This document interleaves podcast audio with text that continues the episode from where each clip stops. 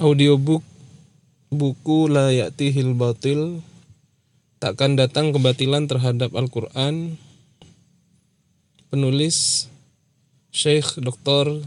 Muhammad Sa'id Ramadan Al-Buti Mengapa bidadari untuk laki-laki saja?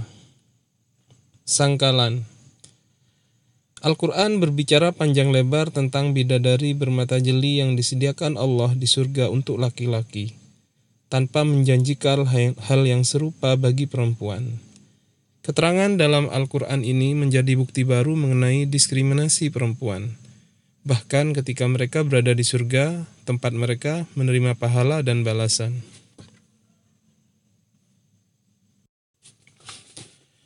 Jawaban Dapat diprediksi bahwa pengkritik ini memiliki seluruh cita rasa manusiawi serta memiliki pengetahuan yang diperlukan mengenai perbedaan antara watak maskulin pada diri laki-laki dan watak feminim dalam diri perempuan.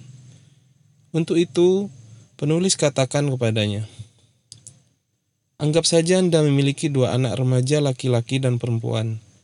Keduanya adalah anak yang berbakti taat dan berusaha mengabdi kepada Anda. Menurut Anda, adakah hal yang menghalangi Anda untuk menyenangkan hati anak laki-laki Anda yang berbakti, yakni Anda menjanjikannya untuk menikahkan dengan seorang gadis yang cantik agar ia menemukan kebahagiaan hatinya dari gadis tersebut? Tidak diragukan, Anda pasti tidak menemukan alasan yang mencegah Anda untuk berterus terang dalam masalah ini dan anak Anda pasti bahagia dengan janji Anda. Baik. Lalu, apakah Anda menemukan alasan yang mencegah Anda untuk menyenangkan saudarinya yang juga berbakti kepada Anda dengan berjanji untuk menikahkannya dengan seorang pemuda yang sangat tampan agar ia memperoleh kebahagiaan dan kesenangan dari pernikahan itu? Tidak diragukan bahwa perasaan Anda yang halus akan menghalangi Anda untuk berterus terang kepadanya karena Anda memahami watak feminim dalam diri perempuan. Ia pasti segan dengan keterus terangan Anda dan tidak menghiraukannya. Kemungkinan kuat kalau Anda tidak mengikuti etika interaksi dalam berbicara, lalu Anda menyatakan hal ini kepadanya, ia pasti akan beranjak meninggalkan tempat duduk tanpa menjawab sepatah kata pun. Jadi Anda mengetahui perbedaan antara remaja laki-laki dan perempuan dalam masalah ini. Dari sini Anda dapat berterus terang kepada anak laki-laki mengenai niat Anda untuk memuliakannya. Sementara itu, Anda harus berhati-hati untuk tidak membuat anak perempuan Anda risih dengan kalimat yang sama. Sebaliknya, Anda harus menempuh jalan lain yang sesuai dengan perasaan keperempuanannya untuk mengutarakan niat Anda. Lalu mengapa Anda mengkritik Tuhan? Lalu mengapa Anda mengkritik Tuhan Anda Azza wa Jalla? Mengenai cara yang Anda sendiri menerima dan mengikutinya, mengapa Anda menuduhnya mendiskriminasi perempuan dengan berargumen dengan cara ini? Tetapi Anda tidak menuduhkan hal yang sama kepada diri Anda dengan alasan Anda mengikuti cara tersebut. Hendaknya Anda tahu bahwa penjelasan ilahi mengajarkan orang-orang yang merenungkannya tentang cita rasa yang tinggi dalam berbicara dan berinteraksi dengan orang lain. Allah menciptakan perempuan dengan sifat-sifat feminimnya dan menciptakan laki-laki dengan sifat-sifat maskulinnya. Allah pasti berbicara dan memperlakukan masing-masing sesuai watak yang disematkannya. Mengharapkan sesuatu yang bertentangan dengan hal tersebut merupakan pencederaan terhadap hikmah Allah. Maha suci Allah dari hal demikian. Karunia dan kemuliaan sama-sama diberikan kepada laki-laki dan perempuan di dunia dan akhirat. Kalau di dalam Al-Quran, Allah tidak membeberkannya kepada perempuan sebagaimana dia membeberkannya kepada laki-laki, itu untuk mengajari Anda tentang etika interaksi dan gaya bicara. Bukankah Allah telah berbicara kepada laki-laki dan perempuan, sedangkan surga didekatkan kepada orang-orang yang bertakwa pada tempat yang tiada jauh dari mereka? Kepada mereka dikatakan, inilah nikmat yang dijanjikan kepadamu, yaitu kepada setiap hamba yang senantiasa bertobat kepada Allah dan memelihara semua peraturan-peraturannya, yaitu orang yang takut kepada Allah yang Maha Pengasih, sekalipun tidak kelihatan olehnya, dan dia datang dengan hati yang bertobat. Masuklah ke dalam surga dengan aman dan damai. Itulah hari yang abadi. Mereka di dalamnya memperoleh apa yang mereka kehendaki, dan pada kami ada tambahannya. Quran surah Qaf ayat 31 sampai 35. Jadi, laki-laki dan perempuan memperoleh apa yang mereka inginkan di surga. Seorang perempuan tidak berhasrat terhadap sesuatu, melainkan Allah pasti mewujudkannya sebagaimana keinginannya. Al ayat yang lebih gamblang dalam menjelaskan masalah ini adalah firman Allah. Kepada mereka diedarkan piring-piring dan gelas-gelas dari emas dan di dalam surga itu terdapat apa yang diingini oleh hati dan segala yang sedap dipandang mata, dan kamu kekal di dalamnya. Quran Surah Az-Zukhruf ayat 31 Kata anfus pada ayat di atas adalah jamak dari kata nafas, yang maknanya diri atau hati, dan itu mencakup laki-laki dan perempuan. Jadi, inilah penjelasan ilahi yang kalian inginkan untuk diutarakan secara gamblang kepada laki-laki dan perempuan. Penjelasan ilahi telah menegaskannya secara garis besar tanpa membuat risih seorang pun. Penulis membayangkan bahwa pengkritik yang melecehkan kalam Allah ini akan mengatakan, Barangkali gadis Arab, terlebih lagi yang muslimah, akan risih menerima pernyataan terus terang seperti ini. Barangkali pula ia akan merasakannya sebagai perkataan yang melukai. Namun gadis barat di Eropa dan Amerika tidak demikian. Ia tidak merasa, ia tidak merasa risih sedikit pun jika ayahnya menjanjikan seorang suami yang akan membahagiakannya. Bahkan gadis barat tidak merasa risih untuk mencari sendiri pemuda yang disukainya untuk mengutarakan lamarannya. Penulis katakan, ini benar.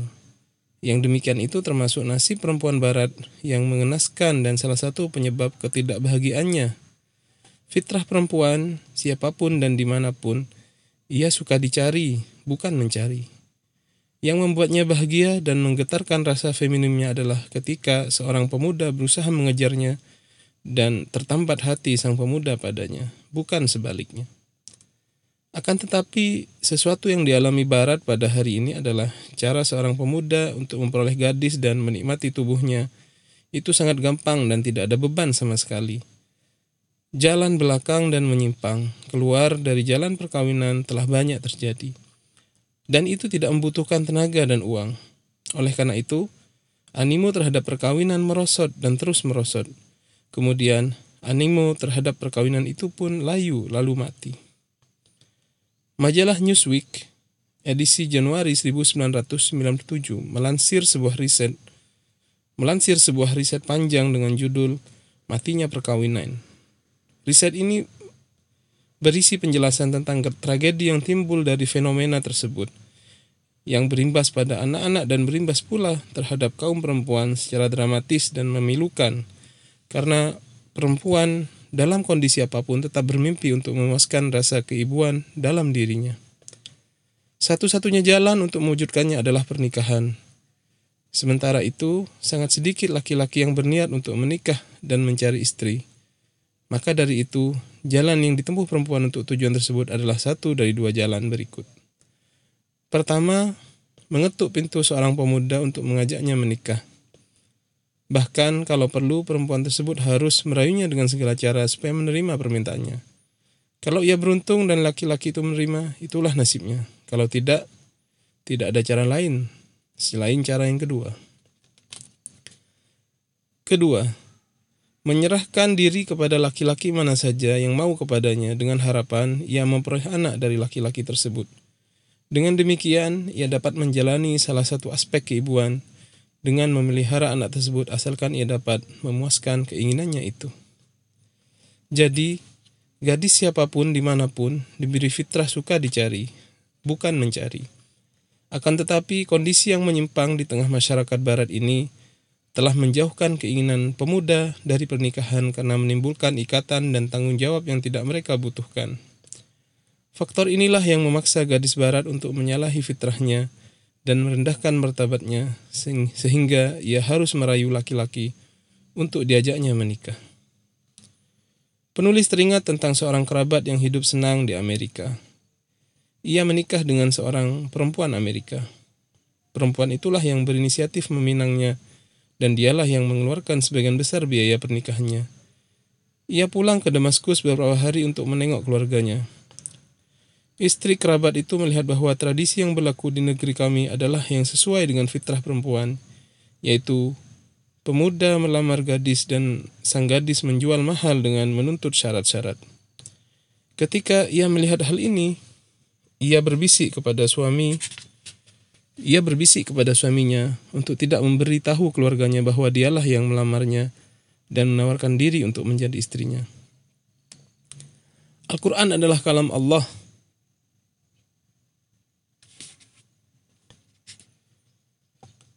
yang menciptakan laki-laki dengan sifat-sifat maskulin dan menciptakan perempuan dengan sifat-sifat feminim.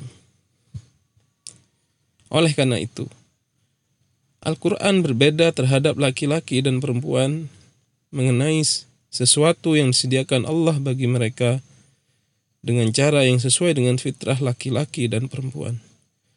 Al-Quran menentramkan masing-masing bahwa di surga kelak terdapat apa saja yang diinginkan hati dan disenangi pandangan. Mereka laki-laki dan perempuan memperoleh apa saja yang mereka inginkan dan mereka pun memperoleh kemuliaan lebih dari Allah. Barangkali Anda mengatakan, kami telah mengetahui cara Allah memuliakan laki-laki dengan bidadari bermata jeli. Namun bagaimana Allah memuliakan perempuan dengan laki-laki seperti bidadari itu? Jawabannya, ini urusan Allah.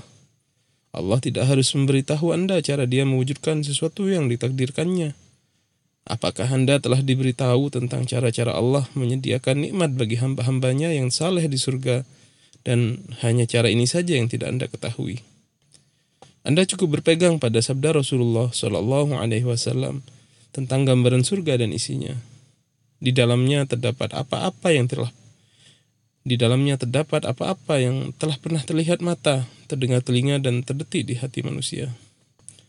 Anda juga cukup menyerahkan urusan ini kepada Tuhan yang menjanjikan itu semua jika Anda pergi menemuinya dalam keadaan beriman kepadanya dan meyakini bahwa Al-Quran adalah kalam kalamnya dan Muhammad adalah utusannya.